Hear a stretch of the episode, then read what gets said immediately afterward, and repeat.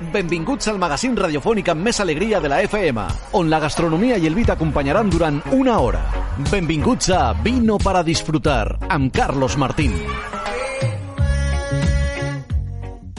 Muy buenas noches, queridos amigos. Estamos aquí un día mes, una vez más con todos vosotros para pasar una hora agradable aquí acompañados de, de Alejandro y de Josep. Alejandro nos va a hablar hoy durante el día de hoy de, de temas de caza, una cosa muy especial. Y Josep, estamos eh, aquí que nos va a hablar también de... Vamos a entrevistar a una, a una gran bodega del, de, del Penedès, del, de la part més nord del Penedès, que es diu Can Feixes, i, i ens acompanyarà el Joan Huguet. I, bueno, i recordeu que tenim aquí a l'Aleix Alari a Los Mandos, que és el crack número 1 de, de, la, de la ràdio, i que el telèfon de consulta nostra, si teniu qualsevol pregunta, és el 93 667 0022. Repeteixo, 93 667 0022. Podeu fer preguntes de, de, de vins, de menjars, del que vulgueu. ¿De Y bueno, y a partir de este momento, pues vamos a hablar con, con Alejandro, ¿Qué tal? Buenas Aquí estamos Muy buenas noches. Yo estoy un poco constipado, estoy aquí, no he ido a ningún sitio Cuidado, raro. eh, no tendrás el coronavirus Exacto, porque exacto. no. Ahora que Ahora es la, es la- Hoy, esta es- que no, la frase famosa, haces, haces no. chistes constantemente. Pues bueno, eh, a ver, eh, vamos a hablar de un tema así un poco, un poco duro porque la- no está de moda el tema de la caza, ni mucho menos. Yo creo que, que hay Bueno. cazas y cazas, ¿no? Pero, pero bueno, cuéntanos, ¿qué es la- esto de la caza? ¿Hay caza mayor, caza menor? Cuéntanos. Bueno, una cosa, la cosa, el concepto cinegético, Sí. Que es, que lógicamente existe caza mayor y caza menor, pero después yo lo que voy a hablar más del, no del concepto cinegético, sino del concepto gastronómico, de los grandes platos de caza que se realizan o se realizaban en muchos restaurantes de España y de Barcelona y de otros lados. La caza yo creo que es la carne más exquisita que hay, porque es la única carne, a excepciones de las que están en granjas, pobrecitas, perdices y esto, pero a, a excepciones, es una carne completamente salvaje, o sea, quiero decir, no tiene ningún tipo de aditivos, no es, o sea, es, para mí es la carne más sana que existe. Que Más puede- ecológica. bueno, por llamarlo de una manera, en el sentido de- etimológico de la palabra sí, porque quiero decir, el- eh, si es ecológico hay que ir con cuidado porque tiene que comer también los piensos tratados ecológicamente. Y estas no, o sea, quiero decir, las perdices, las auténticas, pues comen lo que encuentran en el campo. Y entonces, esto para mí es, y los ciervos y los, y los corzos, no tienen una dieta de estas equilibradas que hay un veterinario que nos va siguiendo. Entonces, la carne para mí de caza es quizá la carne, aparte de más sabrosa, la mejor, de una manera nutritiva, la carne más exquisita que existe. ¿Y no es muy dura? Depende, si está mal cocinada, sí. Si está mal cocinada, sí, pero hoy en día, por ejemplo, en el caso de, los, de los bichos que se crean en granjas, que son, pues mira, las perdices, las codornices, los faisanes y los y casi todos los pichones, o prácticamente todos los pichones, esto ya en el fondo son como pollitos. Entonces no- ya no es como una carne de caza en sí. Y se nota mucho, aunque sea, por ejemplo, las perdices, en las fincas cinegéticas, para organizar las, las cacerías, micro, sí. para realizar las cacerías, lógicamente, pues sueltan muchas perdices, pero sueltan pollos ya. Pero esos pollos han nacido en granjas, a través de unos huevos que se han puesto en la granja. ¿Vuelan? Sí. ¿Han estado en el campo? Sí. Pero Pero, no es no la patirroja auténtica que... que se- Vale, entonces, cuéntanos, a ver, ¿la caza en qué se divide? ¿Caza Bueno, yo prefiero distinguir en lo que es gastronómicamente, en lo que sea de pluma y de pelo. Es decir, pero, pues lógicamente, entendemos, que nos entendemos pues, desde la liebre hasta el, hasta el verano. Porque, claro, todos tienen. pe- Pero, sin embargo, después está la, la otro tipo de caza, que es la de pluma, que va desde las, de las acuáticas hasta las, las codornices o, o los hortelanos, que es el pájaro más pequeño que existe gastronómicamente el hortelano? el hortelano. Esto es la gran. Esto es para mí, después de la becada, que para mí la, la becada es la gran ninfa de los bosques, la Scolopax. Esto para mí es el gran. Es la- el bajar más exquisito que existe. Pero después existe otro muy interesante, que este sí que está completamente prohibido la venta y el consumo. Tienes que llegar a sitios muy clandestinos para tomarlos, son los hortelanos. Los hortelanos son los pequeños pajaritos de no más de unos 7-8 centímetros que se comen de una manera muy especial. O sea, no, es un bicho que se coma de cualquier manera. El hortelano es un bicho que tiene que sacarlo de la jaula.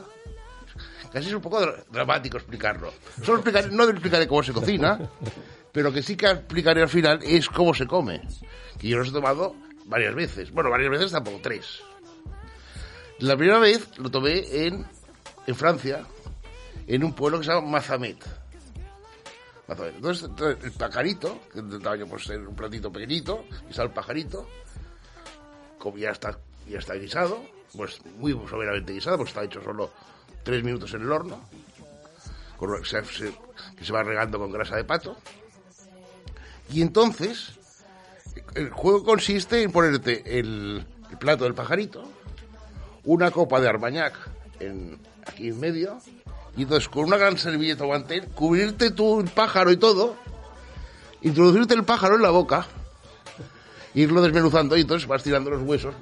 Esto te da posible para que no te vean. Para que te hacer guarradas en la mesa. Es una auténtica exquisitez.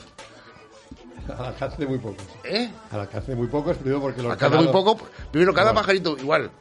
Si los puedes encontrar, te van a cobrar 150 o 200 euros de cada pajarito de estos.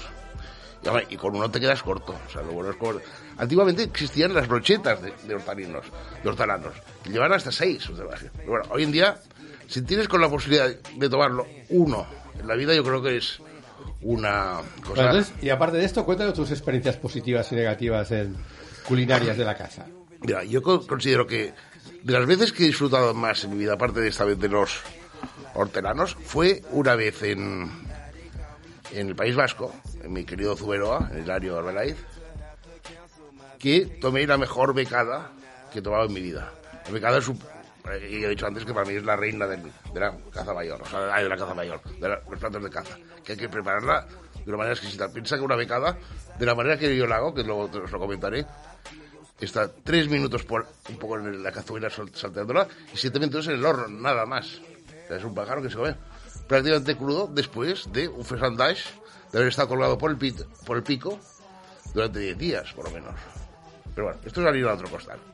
Yo te digo que la becada que me, que me preparó, eh, que tomé en Zuberoa, bueno, no sé qué tenía aquella becada, que re- o igual que tenía mucho hambre aquel día también podía ser, o que me hacía mucha ilusión comérmela ahí, fue realmente un espectáculo.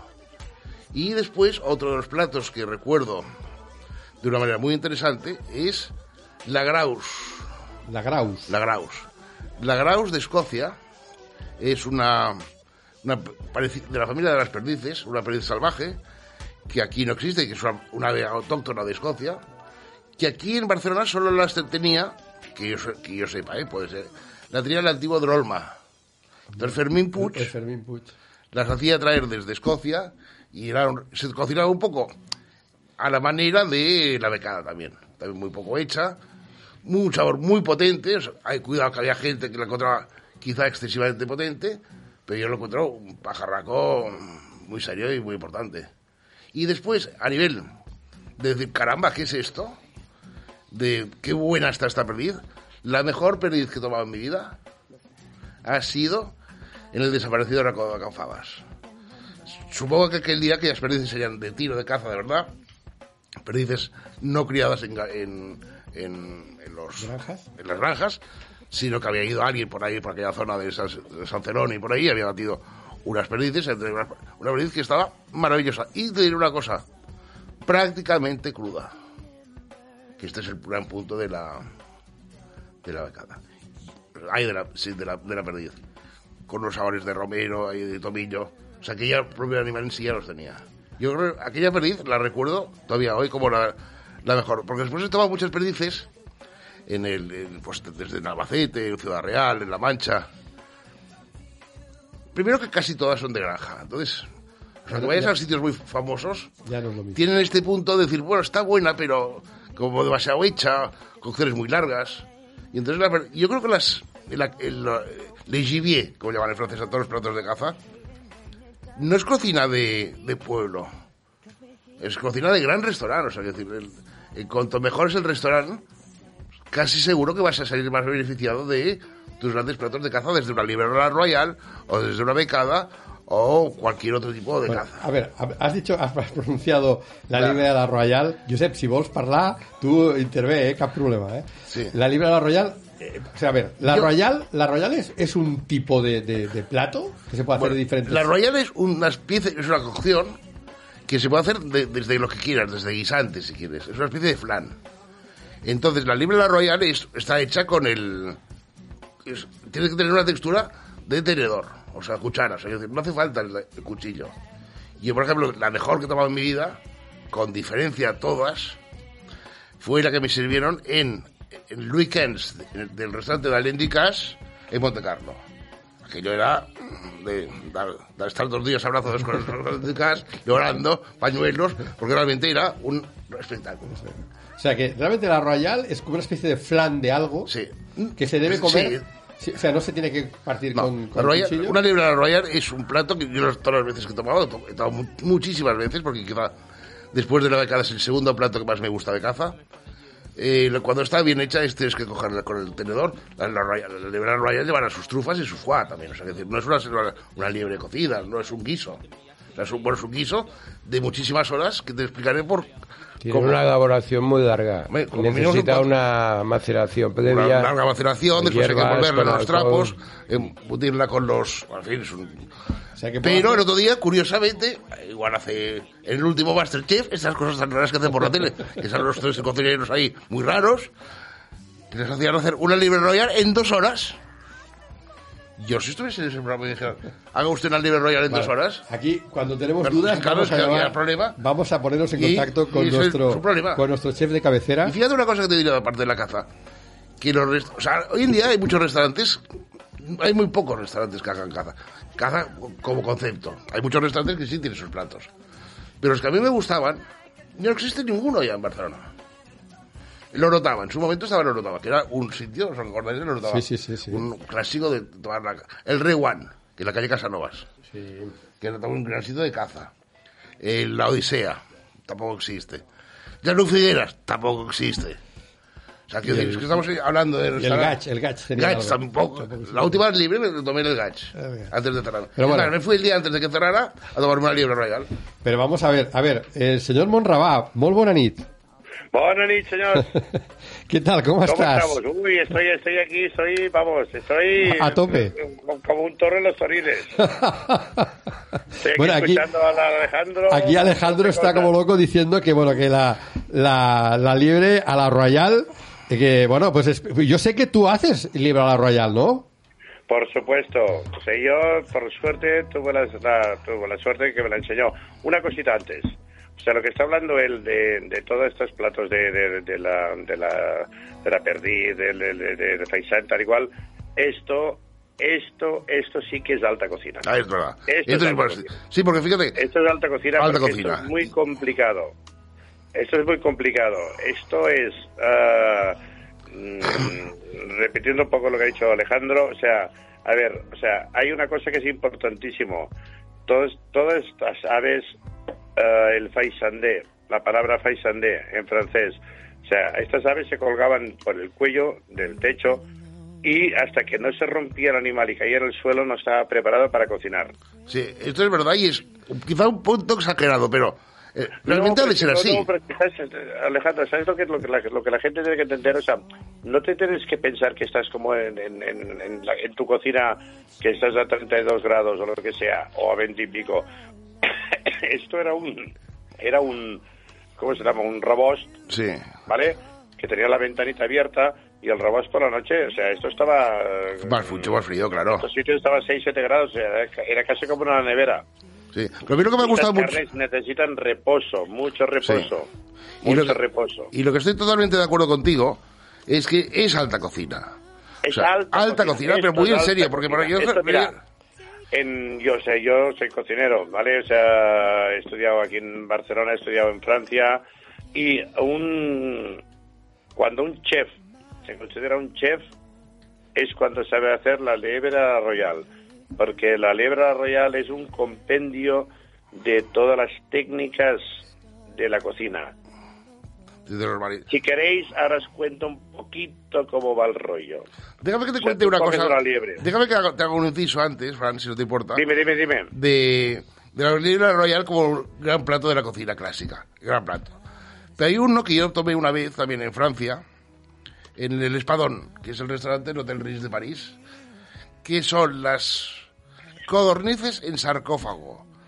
Tal como lo Sí, relata hombre. la Karen Blixen en su libro eh, El, eh, la Cid de película de Babette. Y entonces es una codorniz deshuesada, llena de foie, no de, de, pate, sino de foie, recubierta Sí, con sí, trufas y sí, vuelta sí. en hojaldre.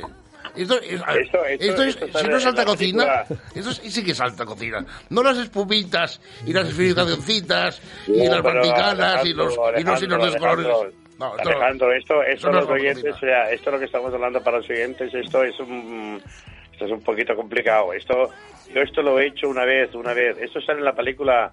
El festín de Babette. La gente que escucha la- el festín de Babette, las perdices estas en sarcófago, esto sale. Sí. Esto es, esto es ya. Lo lo ya más. estamos, estamos hablando de, estamos hablando de algo ya bastante importante. Yo las probé en, el- el- en París, en el Espadón, y realmente me pareció bastante importante. muy serio. Pero que ¿eh? esto ya, claro, para, para- esto ya es, Pero es un...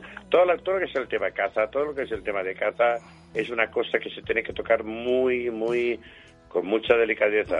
Sí, porque aparte de productos muy delicados, hay que saberlo preparar bien. Y Tú has hablado de, de, de- de la liebre que la has probado en varios sitios, has dicho lo del, lo del Jean-Luc Figueras. Yo, por suerte... Estabas eh, ahí. la de la de Jean-Luc Figueras. Estabas ahora estabas os tú. quería contar un poquito Cuéntanos. lo que es la, la liebre que, que, que Jean-Luc me enseñó a mí. Y es la que hago. Pues ¿Me cuéntanos. dejas, Carlos? Sí, venga, adelante. Rápido. Mira, rápido, rápido, rápido. A ver, la liebre, o sea, imagínate, es un plato que tarda nueve días en hacerse. Nueve días. O sea, imagínate. O sea, tú tienes que coger la liebre, la tienes que deshuesar, deshuesar, sacar los, los, todos los huesos, pero que la liebre no se rompa, ¿vale? La dejas, luego la tienes que dejar la liebre deshuesada con los huesos, con cebolla, puerro, zanahoria, calabacín y un poco de tomillo. Ajo opcional, mm, yo no le pongo, pero bueno, puede ser. Y esto se pone a marinar siete días con brandy o porto, ¿vale? Dejas la liebre deshuesada con todo esto. Luego es un hígado de pato, sacando las venas de dentro y también se deja los siete días con, el- con, con una botella de Sauternes. O sea, ya imagínate, siete Sí, días sí, todo sí. esto. Luego coges ah, la, la cansalada blanca, esta, esta, esta, esta- la cansalada blanca cortada como si fueran ah, como si fueran sábanas. Pones la, la cansalada esta cortada, Como en la Trícula, pones en Trícula encima, también lo puedes hacer. Luego le pones picada de cerdo del cuello, encima un kilo de picada de puerro, el hígado de pato que ha estado los siete días con el sauternes, una trufa entera rayada, esto se enrolla y se enrolla con un trapo, como si fueran caramelos, ¿sabes? Los caramelos antiguos, Sí. o sea, se enrolla y se ata con cuerdas al lado. Las, los huesos y las verduras se, se sofríen cuando se están sofritos, luego se pone todo el alcohol, tanto el brandy como el sauternes y como el oporto, se pone dentro, se reduce y pones el paño este dentro que está la liebre. Está más o menos, depende de la liebre, si es muy de caza o muy grande o no, está entre dos horas y media, tres horas. Sacas la liebre, la dejas enfriar. El jugo luego, el jugo que ha quedado con, el, con, el, con los huesos y las verduras y, el alcohol, esto lo reduces y lo guardas. El trapo luego lo abres y la liebre luego se corta a rodajas y este y este y este caldo se, se, se pone encima de la liebre. A ver, esto es un si para si quieres ligarla un poquito la, la, la, la salsa, si hace falta, haces como los franceses, haces un roux. Un roux es un es mantequilla con harina, ¿vale? Y luego le pones encima para espesar. Esto estás, estás- o sea, es- esto estamos hablando de que yo te digo, o sea, ah, cuando, cuando una persona se considera chef, chef para, para, o sea, hablando como los franceses, es cuando sabías hacer ese plato, porque esto Bueno. es un compendio de todas las técnicas Entonces, y de todo el control de la cocina. ¿qué día podremos ir a degustar este la, la liebre la royal a tu, a tu restaurante? Pues mira, esta mira, mañana me llega la trufa, el lunes me llega la liebre, pues Caray. ponle nueve días. Caray, oye, mira, pero hemos sido totalmente No, oportunos, la ¿eh? O sea, mm, es, ah, a ver, es un gusto muy peculiar. A ver, son gustos, es lo que he dicho también antes el Alejandro, son gustos de la época esta como del Orotava, son gustos de, del, lo que te he dicho antes, del Salmís, del Paisandé, son gustos, em, son gustos mm, que la gente ahora mm, no están tan acostumbrados a probar. Esto que está, o sea, lo que estamos hablando hoy, sea, la gente que está escuchando es una es una cosa que es, es muy complicado para o sea bueno complicado no es casi casi imposible hacer en casa o sea a menos que no seas un tío mm, bien puesto pero pero esto sí que de verdad es el el, el, el cenit de, de la cocina Yo lo que sí que hago en casa, porque quiero decir, porque no se necesita. ah tú lo haces en casa No, la, claro. no, la libre royal no. La libre, la libre royal no la hago en casa, no. La he visto hacer, pero no Alejandro no me Pero lo único que hago en de casa de, de así con un, así con un plato de caza es la becada. La becada sí, porque esto es un bicho que es más fácil. De, Claro, la becada, sí, sí, sí. Pero que también lleva su, re- su buen trabajo. Pero no tanto, yo lo hago en una hora, la hora salsa, la salsa de la becada tiene su arte. Hoy- Está hecho hoy- con las tripas de la becada. O sea, Hoy sí, bueno, es que también va con las tripas, todo esto. Tú sabes que la becada, la becada justamente se caza cuando la becada levanta el vuelo. Sí, lo la sé, becada lo sé solo vuela cuando tiene las tripas limpias, Sí. no tiene nada dentro. Nada, tal- y por eso luego se hace este picadillo. Pero lo que, ya os digo, o sea, lo que hoy estamos hablando, hoy estamos hablando de palabras mayores. O sea, lo que estamos hablando hoy es, No, y son es productos algo además serio, que serio son de verdad. Y después hay una cosa curiosa que tú sabes que en los restaurantes hay, por ejemplo, los hortelanos y las becadas no puedes vender en un restaurante hortelanos y becadas. Y entonces en las cartas de algunos restaurantes aparecen nombres mágicos como gallina de indias o... el- No, es verdad, porque eh, yo creo que, no sé cómo en este momento cómo está eh, la legislación en los restaurantes, pero tú no puedes... No, no, no, no, eso no, sí, no, eso es, eso es, no, ¿sabes cuál es el problema de estas cosas? Porque tanto, tanto como la lebra royal La sí. picada, La libre, teoría, hortelano no puedes ponerlo en la carta un hortelano. tiene que ir, no, porque ahora, Ah. ahora ya no, ahora ya la no- tampoco puedes ponerla. La becada sí, la becada sí. ¿Sí, tú crees? Yo he visto Sí, la becada, sí, sí. mira, en el bote... No, la becada, la becada y la liebre, lo único que, lo único que hay problemas es que en teoría mm, estos dos platos también llevan la sangre que lleva el animal. Claro. Y Sí, porque tú en la sí te le pones la sangre, lo has dicho, ¿no? En libre... no está permitido la sangre. Ya. Tú, tú en la libre royal no le pones la sangre, entonces. Yo sí que se lo pongo. Ah, vale.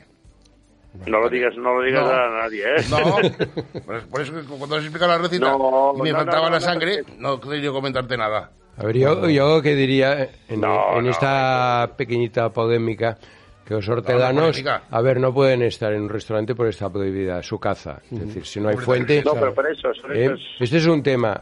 Y entonces, en cuanto a la becada, lo- los restaurantes no la pueden ofrecer en su carta. Lo que sí puede hacer un cliente es llevar una becada Sí. a un restaurante para que se la cocinen. Exacto, sí. Pero lo que está prohibido en los restaurantes es ofrecerlo en su carta o ofrecerlo directamente a los clientes. Sí. Lo que pasa es que echa la ley y echa la trampa. Sí, se llaman de maneras, yo lo he visto Pero formalmente es así. Cuando tú te comes una becada en un restaurante, en teoría, legalmente, tú la has llevado al restaurante para Y que no te la cocinen. lícito. Pero yo en algunos restaurantes que las he visto, ves gallina de indias. Y entonces te quedas mirando al, al, al del restaurante y dices, ¿esta gallina de indias qué es? Y entonces según cómo te vea él dirá, eh, se te conoce y dirá. Bueno, esto se, esto se hacía esto en algunos restaurantes del sur. Sí, también con los pajaritos. chanquetes, con los Claro. chanquetes. Sí. Claro. Había una palabra como así, como de, así, como rollo contraseña. Y que se decía, a ver, em, sí, o sea, todo el mundo tiene razón, o sea, em, esto no, no- a ver, eh, tampoco, o sea, los restaurantes que aquí en Barcelona pueden ofrecer becada o estos productos son muy pocos. Porque son muy pocos los Porque que lo lo saben hacer, y los que saben elaborar y tal y cual. O sea, mm, yo no creo que los los poquitos que sabemos hacer este producto y que sabemos llevarlo a la máxima expresión y, y que esto valga la pena, o sea, nosotros no no no vamos a, a joder nada ni a ni a, ni a, ni a molestar nada.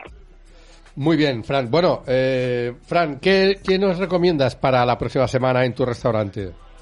Para la próxima semana, mira, hoy tengo unos caracoles espectaculares. Tengo ya las primeras habitas, habitas confitaditas sin nada, solo confitadas a fuego muy lento con sal, pimienta y luego cuando ya lo pones en el plato solo unos trocitos de jamón sin que toque el fuego. Un jabuguito bueno, Bueno, bueno, bueno. buenísimos. Tengo ya espárragos trigueros espectaculares. Vale, Si vale. es que, si es que, si es que, si es que estamos, estamos, estamos. Estamos tremendo. Bueno, aparte, eh, yo a todo mundo que quiera a tu restaurante, solamente le digo que por favor que llame por teléfono primero, porque es que es imposible encontrar mesa si no Va, llamas. tampoco te quejes, sé que tú siempre tienes mesa, ¿eh? Bueno, pero Siempre- yo, ¿por qué? Porque, porque yo me adapto, me pones ahí en un rincón y yo me adapto. Pero... No, ojalá, mira, ¿sabes qué me gustaría de verdad? Te lo digo, o sea, y esto te lo digo de corazón. Me encantaría que hubiera 20.000 más como el mío en Barcelona, otra vez. Pero bueno, ¿Sabes por qué? ¿Por qué? Porque yo el domingo que tengo fiesta no sé dónde ir a comer. Mira, ¿Eh, el- Alejandro? Es verdad, es verdad. es que- al flash flash. ¿Es verdad o no? Hay que ir al flash flash siempre. Sí, oye, pero Al. Flash Flash, un gran clásico. Sí, sí, gran sí, bueno. Eso sí. Es- es- es- siempre está abierto. Sí, o no, tengo unas buenas ostras en el, y unos camarrones en el Carballeira y con esto no te equivocas tampoco. Pero, Pero no es cocina, pero no es, no es cocina. que. Pero no, pero es importante lo que también decías tú de, de restaurante con cocina, que hay pocos restaurantes con cocina, de verdad. Es Mira, que- esta que- mañana, mira, esta mañana, esta mañana me ha venido un chaval, un chaval súper simpático, súper... eh, y me han tragado como así como un tríptico con, con canelones preparados de no sé qué, con un- una terrina de trufa, una, una especie de... Digo, pero tío, con croquetas, digo, tío, digo, es que, tío, que soy cocinero, tío, que yo no puedo comprar eso. No, pues que esto te va a sacar faena.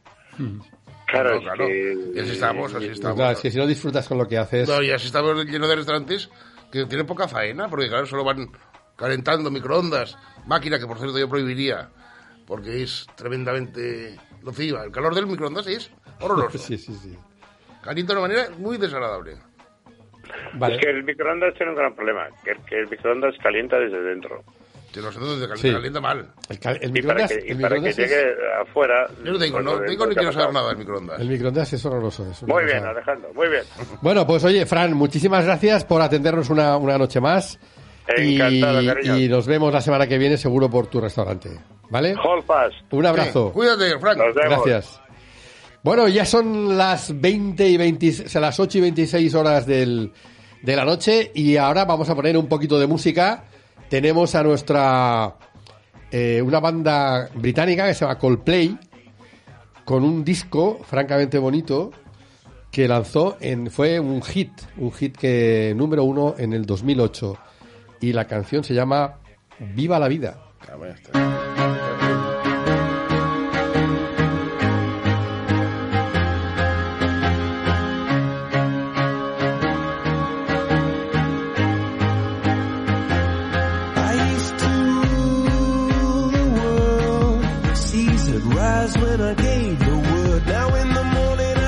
Tertúlies, convidats, recomanacions i molt més a Vino para disfrutar amb Carlos Martín.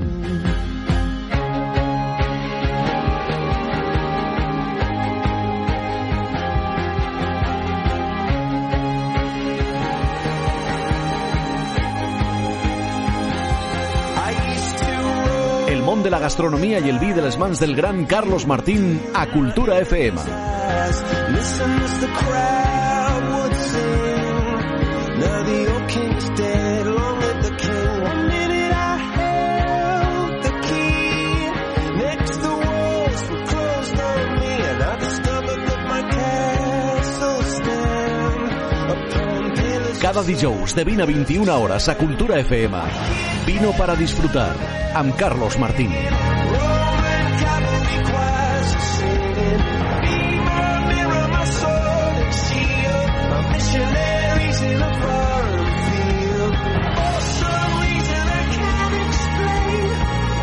Cultura FM, el món del vi amb Carlos Martín.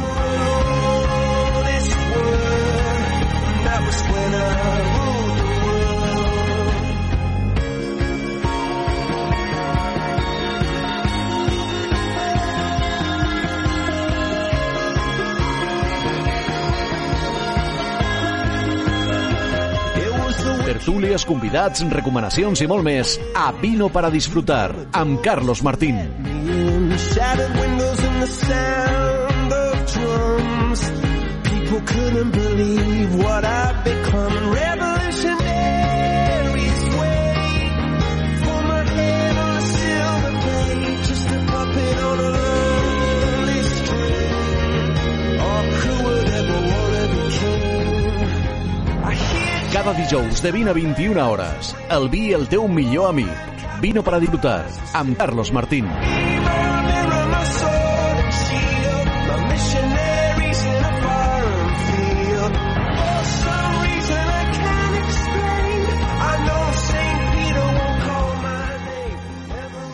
Bueno, pues eh, este es el famoso hit de Coldplay. Viva la vida. Por cierto, eh, eh, Alejandro, ¿tú sabes lo que es un hit? Un golpe.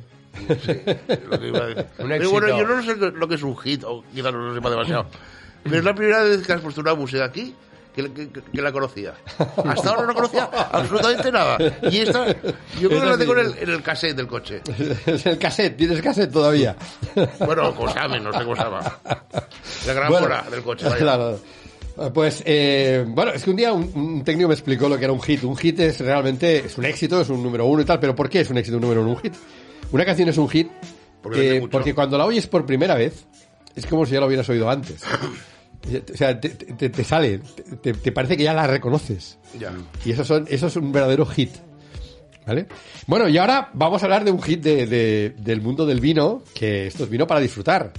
Y eh, tenía que venir con nosotros, tenía que estar aquí con nosotros el Joan Huguet, del propietario de, la, de, de las bodegas de Ca- Can, Can Feixes, allà del, de, del Penedès, no, Joan?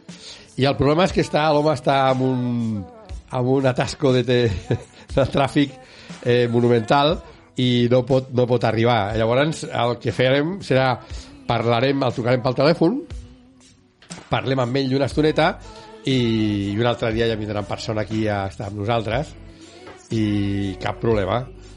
O sigui que... Mm, Joan, Sí, hola. Què tal? Tinc el telèfon. molt bona nit. Molt bona nit. Disculpeu que, que, bueno, amb el trànsit i tal, al final no, no, no arribo, no arribo. No arribo. passa res, estàs treballant, és que estàs allà, allà El baix. pròxim dia hi agafaré més temps perquè, bueno, aquestes hores és complicat i que vinc de l'altra banda de Barcelona, vinc del Penedès Clar, clar. i, i esclar, tinc que travessar per baix, bueno. Bueno, tenim aquí, complicar. estem aquí asseguts a la taula, estem a, amb el Josep i l'Alejandro. Ah. Ah, Llavors, Hola, el, Josep. Hola, què tal, Joan? Content de sentir-te. molt bé, bona tarda. Mira, per aquí ja, després de la jornada, tornant cap a casa. i pots, pots parlar bé? Pots parlar bé, sense Sí, problema? sí, puc parlar perfecte, sense cap problema, sí. Vale. Pues escolta'm, eh, Josep, comencem a, a fer-li preguntes tranquil·lament. Però jo el que diria Sí. a la gent que ens escolta que per allà de Can Feixes és algú molt maco, és meravellós, però al mateix temps és algú que porta temps perquè vosaltres sou un compendi d'elements dins del vi pues, que podem qualificar de màxim nivell perquè sou un autèntic xató com els del Medoc, com els de França, com aquests que es van qualificar als primer crus en 1855.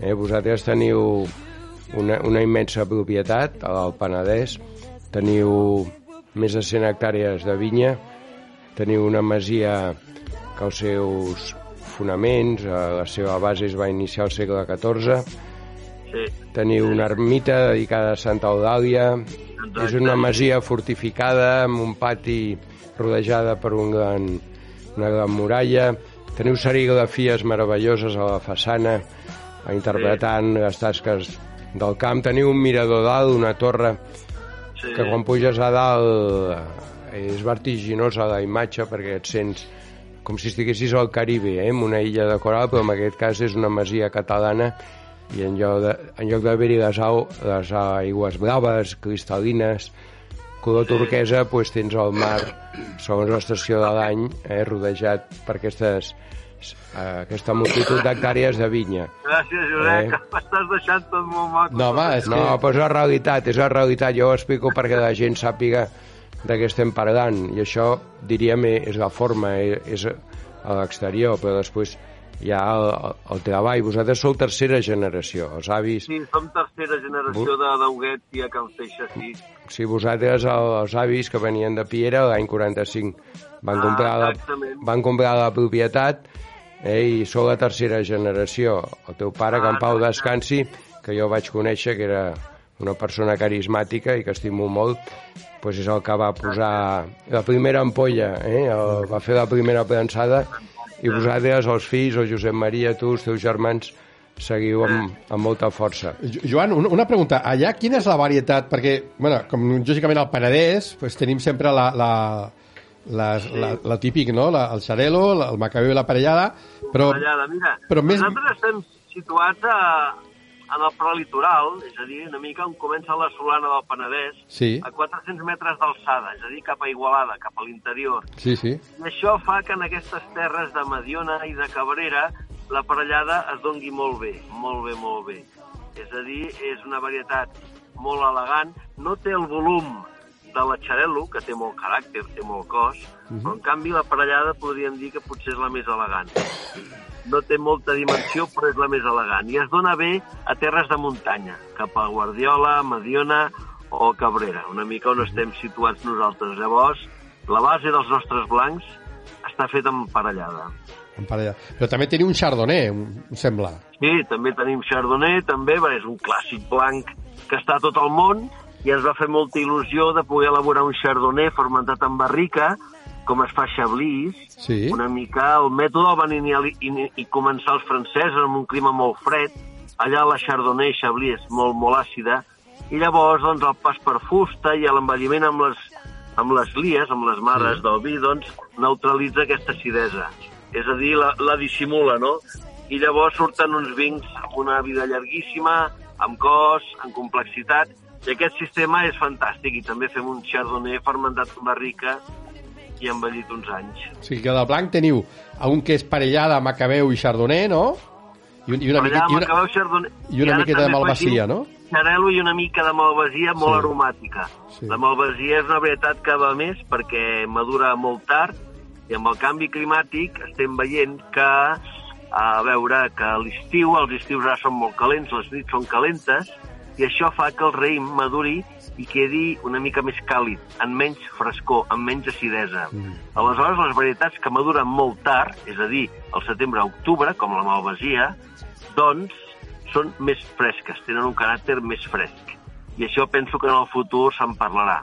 I dintre d'aquestes varietats tardies doncs trobem la, la parellada, la malvasia, i penso que, que són varietats que potser ara no es coneixen molt, però que amb el canvi climàtic se'n parlarà més. Jo, jo, jo, a la gent que s'estigui escoltant, jo, la veritat és que el, el chardonnay aquest que teniu eh, és, és, és, per a mi és boníssim, vaja.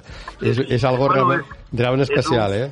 És un vi que té molt volum, és molt expressiu, és sorprenent, és, és, és espectacular a nivell de, de, de volum no? i de longevitat a la boca.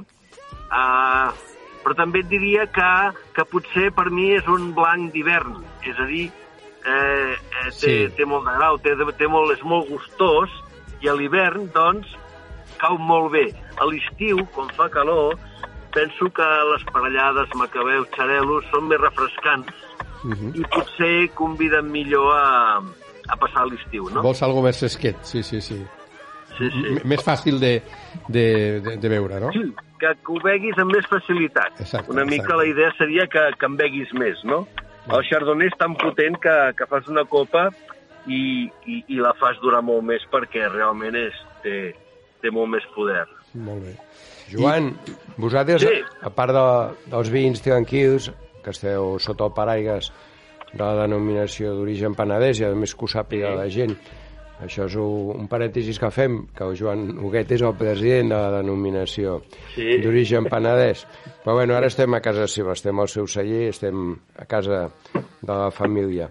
Dic jo Sí. que tu també fas eh, un mètode champenoise, que abans, naturalment, com tots, era, estava sota la denominació del Paraigues del Cava, però ara ets un dels fundadors de Corpinat, amb les Sí. diverses caves artesanes que s'han...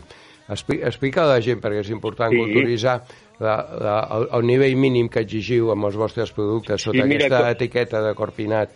Exacte, Corpinat va ser com un, com un apèndix, com una marca de qualitat per poder explicar més coses del cava, perquè el cava té una dimensió immensa per tot el món, però a molts cops es coneix només la, la producció massificada, no? I aleshores volíem parlar del cava doncs, doncs, fet a les finques, el cava envellit uns anys, el cava doncs, que, que estigués doncs, amb uns mínims de qualitat doncs, eh, definits i vam fer aquesta, la, aquesta marca europea que és Corpinat. No? Això vol dir que tot el rim que fem servir és ecològic, vol dir que el collim tot a mà com un valor positiu perquè donem feina a la gent i a més podem triar molt millor el raïm i podem prensar el raïm sencer. això és molt important, i després mínim ha de fermentar dins la botella 18 mesos per poder ser un corpinat. Corpinat ve a dir nat al cor del Penedès, perquè la zona de producció és el Penedès original. És a dir, la zona de cava és molt gran, es pot fer cava a tota Espanya, a Rioja, al Campo de Borja, a Requena, València, al Mendralejo, Extremadura, i a quasi tot Catalunya, no? I llavors vam voler definir les varietats autèntiques, les originàries del Penedès i la zona del Penedès, com a la zona Corpinat. I llavors, bueno, doncs som 10, 10, 10 caves, que ara, ara diguéssim que, que no som caves perquè som Corpinat, perquè el Consell Regulador del Cava va considerar una mica una intromissió el fet d'afegir una marca de legalitat a la seva etiqueta, no?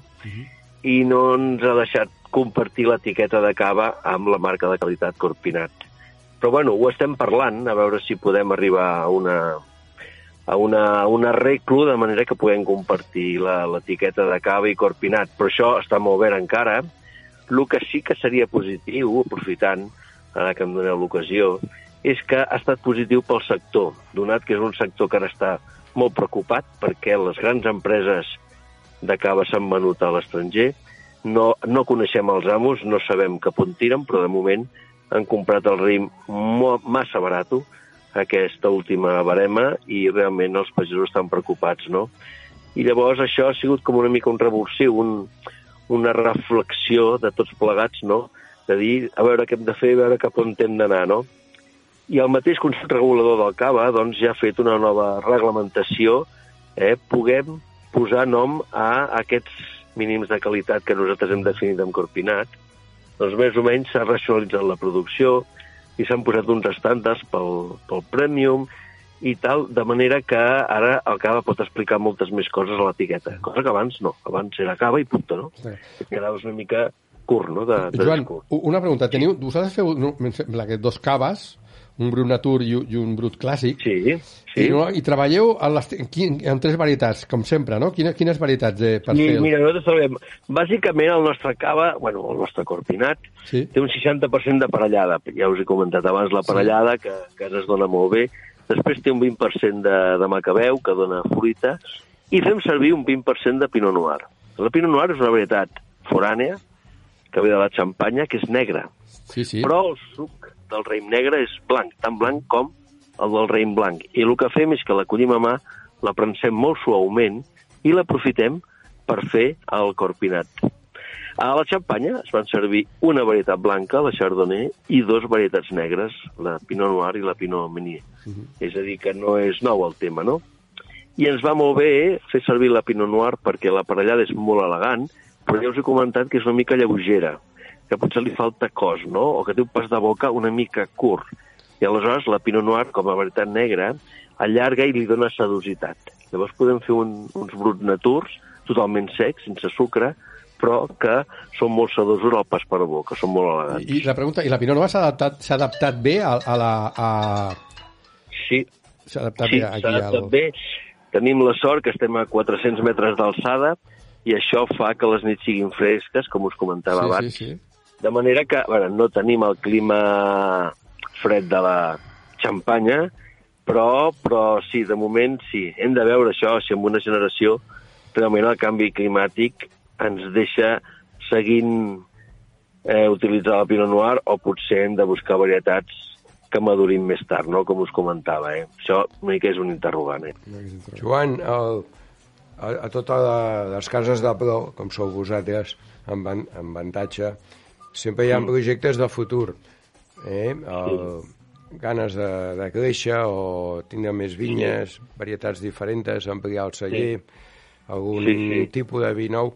Vosaltres esteu pensant en, per a tothom... Són temps de canvi, eh, avui en dia, en tots Sí. els aspectes, i amb la viticultura, per què no, amb l'elaboració de vins, per què no?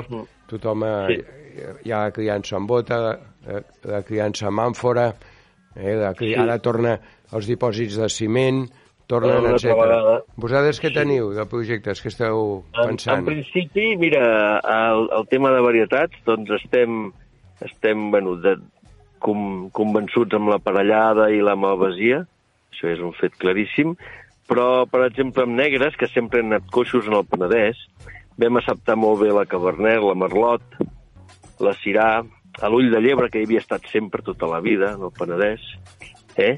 Eh, però ara estem plantant garnatxa, perquè hi ha garnatxes fantàstiques, com la del Vila de Llops, de, del Garraf, i penso que també pot ser una varietat mediterrània que s'adapti molt bé el Penedès, eh? també seguint la corrent de que aniria bé que utilitzéssim raïms de casa, no raïms del clima mediterrani. I això, doncs, per aquí la, la, la garnatxa, doncs, estem plantant, de moment som mines joves i no podem, no podem dir res més que, que això, però sí que en el futur segur que els negres portaran garnatxa. Home, de fet, de fet teniu, vosaltres teniu un negre ja important, eh? el negre tradició... El Eh, negre tradició, exacte, és un negre que però porta quatre raïms. És base d'ull de llebre, del tempranillo clàssic que hi ha a Rioja i a Ribera. Sí. Després porta merlot, cabernet sauvignon i una mica de petit verdot.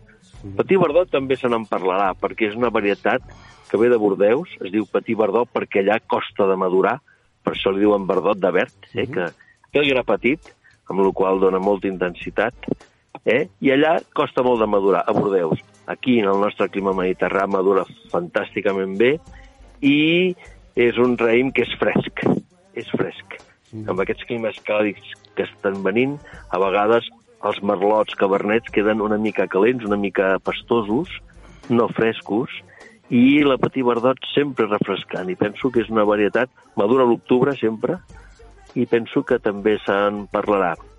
Al domini de Valdepussa, del Marquès de Grinyón, hi ha anys que fa un petit verdot fantàstic, i també petit verdot també la Casa de l'Ermita, a, a Alicante, també hi ha anys que els fa fantàstic. I, i, la, i la Badia Però Retuerta, sembla, la Badia Retuerta em sembla que té un, un, un varietal petit verdot, em sembla. El quin? Eh, La Badia Retuerta, té, em sembla. A la Badia Retuerta també, Sí, sí, té- també té- va, sí, sí, sí. va ser dels primers també allà a Ribera de, de tenir petit verdots i hi havia anyades que eren que eren molt bones, de Jean León, que també té petit verdot plantat. Pues, I- però, escolta, és que a mi m'agrada molt el teu negre, aquest tradició, perquè a més a Sí. més té una, una qualitat-preu, jo, jo crec que és excel·lent, Sí, i, i a més a més té, té, té unes puntuacions Parker, alguna anyada tens que, que, que ha estat molt ben puntuada, no- 90 punts Parker, ahí. sí, amb més de 90 punts Parker, sí, sí. És un negre, bueno, mira, ara és un 2011 el que estem venent, és a dir, que és un vi fet, és un vi amb caràcter de gran reserva, eh, que ja ha perdut potser la fruita original eh, de la joventut, però ja té tots els caràcters de l'envelliment en fusta, i ja té el color trencat ja cap a l'argiles, i té components més de... I estem parlant, estem parlant d'un preu absolutament raonable, no? Estem parlant de... Són 14 euros o... Me- o menys. Algun, jo, i alguns postos, alguna, alguna per internet pots trobar inclús una miqueta menys, però és un vi Sí, excel·lent. carret a vegades surten preus molt Sí, sí. competitius, exacte, sí. És un vi excel·lent. I després teniu, evidentment, el reserva especial, que és una passada. reserva especial és el germà gran de casa, no, no el fem cada any, eh? només els fem als anys més bons, més bons. Sí. Llavors fem una mica la tria de la millor tros de parcel·la de Cabernet o potser Merlot i fem el reserva especial, que és un vi doncs, que ara estem venint el 2007, reserva especial 2007, té més de 10 anys, encara és fresc i el podem guardar 10 anys més. Segurament, quan tingui 20 anys, voldríem fer algun tast Segur. a cegues de, de, 20, de 20 anys, eh, amb Ribera, Riojas o Bordeus, algun Borgonya, i, i, bueno, i veure, veure com estem, no? una mica poder-nos comparar amb aquests vins tops, que no és tota la producció, però que de tant en quant surten, surten anyades que realment són, són fantàstiques. Bueno, no, escolta'm. No, la veritat, jo, és que jo et felicito perquè, perquè hem tastat aquests vins i, i la veritat és que són una passada i les, els tenim aquí a casa, que moltes vegades no som conscients Sí. de... Jo sempre dic que no som conscients de, de la excel·lent relació qualitat-preu que tenim de vins Sí. sí. a la resta del món. Aquí, jo, jo penso que, que ens estimem molt la terra, la finca, abans ho explicava molt bé el Josep, i, i no són tan bons comercials com, com, com, com elaboradors, no?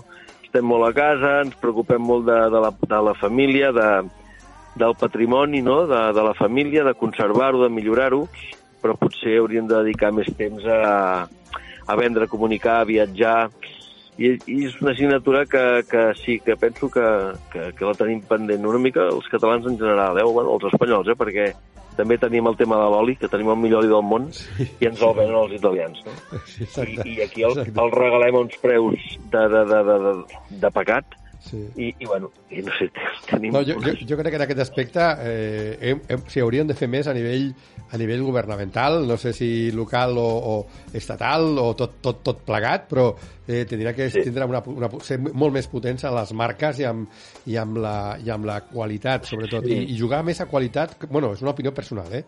Jugar més a qualitat, no. com feu vosaltres, més que a quantitat, que al final dius...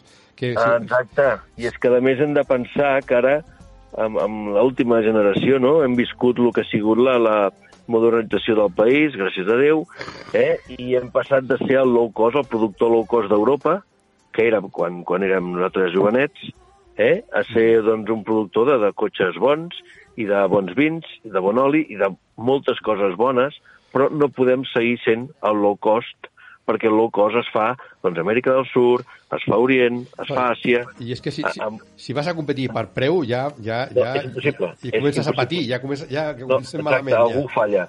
Algú perd diners, algú malviu, algú no té les condicions que hauria de tenir. És a dir, no podem ser el low cost. I ens hem de mentalitzar tots els sectors. I amb el sector de l'automòbil potser ja ho hem vist clar.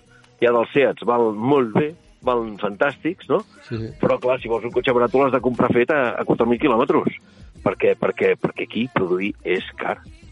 I en part potser ja està bé que sigui car, perquè això vol dir que tenim uns mínims socials correctes, una educació pública, una sanitat pública.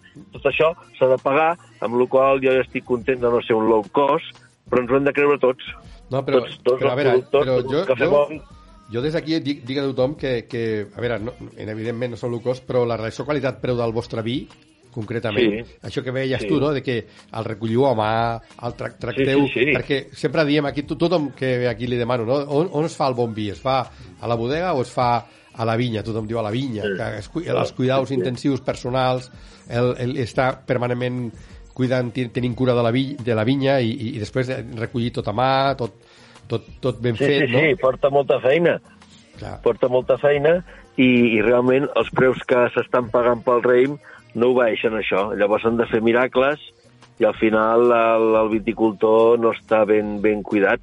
A Europa un quilo de raïm hauria de valdre un euro o més per poder tenir uns, uns mínims, no?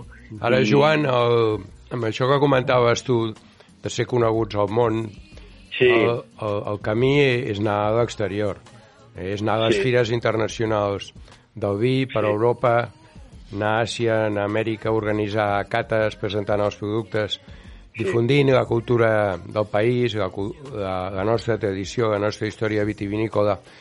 De Sí. fet, jo, jo no vull dir noms, però vull dir, hi ha bodegues eh, antigues que les Sí, primeres que van embotellar, sigui Rioja Sí. o una Sí, del sí. Penedès, jo me'n recordo pues, que explicaven aquests senyors amb el seu dia que anaven amb un magatí amb ampolles i, i quan anaven a l'avió demanaven a la safata que obsequiés el seu vi eh, amb, els, amb els companys de viatge i anaven a un restaurant i també feien el mateix. Jo, eh, hi ha una frase una mica rudimentària, però que amb moltes feines el pots aplicar, no? Eh, que és que es té que aixecar el cul de la cadira. Eh? I això Sí. vol dir pues, viatjar, veure món i el que passa que són diners, són temps, són inversions. I, i tu ja saps que moltes bodegues, quan més bé van és quan més exporten, que vull dir, ja la generació nostra Sí, pues ja ho ha fet, sí, això. sí. Pues té que continuar fent i amb més força encara, perquè hi ha una competència internacional, no hi ha els mercats tradicionals fort, del vi, hi ha tot el, tots el, els països productors de l'hemisferi sud, el nou món, que, que estan a tot arreu, amb uns preus Exacte. supercompetitius, amb altes qualitats, és a dir, que tenim que animar. Nosaltres ja, millor ja, va, ja, ja ens està sortint alguna cana però els nostres fills. Realment els tenim eh, el, els, Una més d'una. els tenim que Sí, empenyar, els tenim que empenyar en aquest sentit perquè, perquè es mengin el món eh, perquè siguin ciutadans de tot arreu. Exacte. Bueno, Joan, escolta'm, eh, ha estat una pena que no hagis pogut estar aquí físicament. Has estat, No, escolta, has... el proper dia ja m'agafaré ben temps i farem bé, perquè no m'ha agradat això d'última hora No, va. no poder... No, Però de veritat, no, no. de veritat que és un plaer que, que puguis estar aquí amb nosaltres, eh, i t'esperem, de veritat, i parlarem de moltes coses. I Escolta, parlarem... el dia que vulgueu, vinc i podem parlar de, de, de vins ecològics, que jo penso que tenen moltíssim futur. Sí. Això el Josep em preguntara de, de cara al futur, no? Sí, sí. Com ho veiem, i sí, sí, el ecològic, això està, està claríssim. I també de la, de, del Penedès, de coses que pensem fer, i, bueno, vinc Escolta. quan, quan vulgueu. Perfecte. Escolta, doncs una abraçada molt forta, moltíssimes gràcies i, i Gràcies, segur que, et- que et convidem, però molt, molt aviat, molt aviat, perquè vinguis aquí i vengas a disfrutar con nosotros. Una Joan, abraçada. Perfecte, doncs. Moltes Vale, gràcies. Josep. Eh, Joan, Una una abraçada. M'ha agradat molt sentir-te. Records a, tot, Gràcies. a, tot, a tots els factòtums de Can Feixes. de part teva. Vale, bona nit. Bona nit. Bona nit. Eh, pues queridos amigos, el tiempo como siempre se nos escapa. Solo quedan ya un par de minutillos para despedir el programa. Y bueno, para deciros que la verdad es que hemos hablado de caza con, con Alejandro, hemos hablado de la Royal, hemos explicado lo que era un concepto de la Royal, la Libre Royal, y hemos entrevistado a, a Joan Huguet de, de Can Feixes d'allí del, del Penedès, de Cabrera d'Anoia, no? És Cabrera d'Anoia, està allà al, al poble, que és la part més al nord de tot, més al nord, més septentrional de, de, del Penedès, i per això tenen Pinot Bar i tenen uns vins, uns vins fantàstics un preu realment molt bons. Bueno, pues queridos amigos, se nos va el tiempo, son la- cuando son las 20 y 55, 5 minutos faltan para las 9 de la noche. Los digo lo de siempre, eh, si os ha gustado el programa, recomendádselo a vuestros amigos y si no os ha gustado, recomendádselo a vuestros enemigos. Pero por favor, recomendad siempre nuestro programa y nos despedimos hasta el próximo jueves. Un abrazo muy fuerte, amigos. Gracias.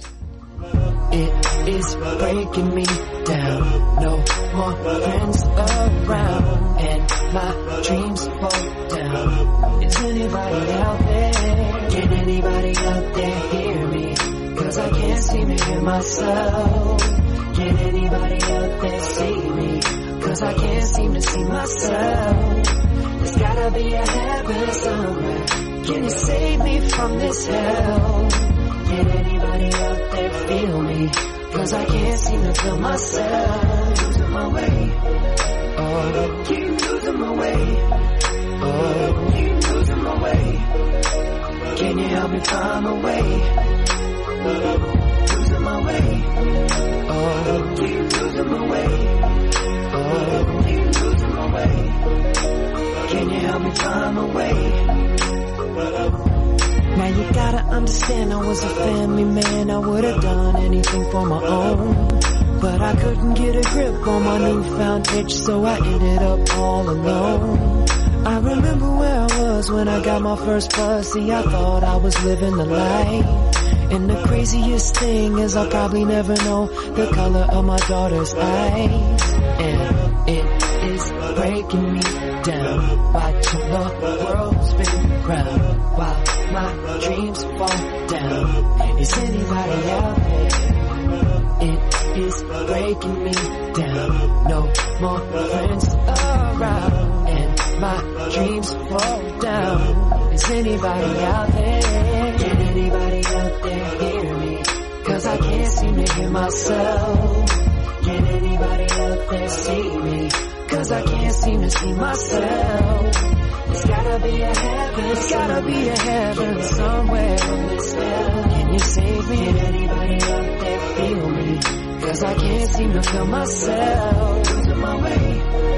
Yeah. Losing my way. Losing my way. Keep losing my way. Keep losing my way. Can you help me find my way?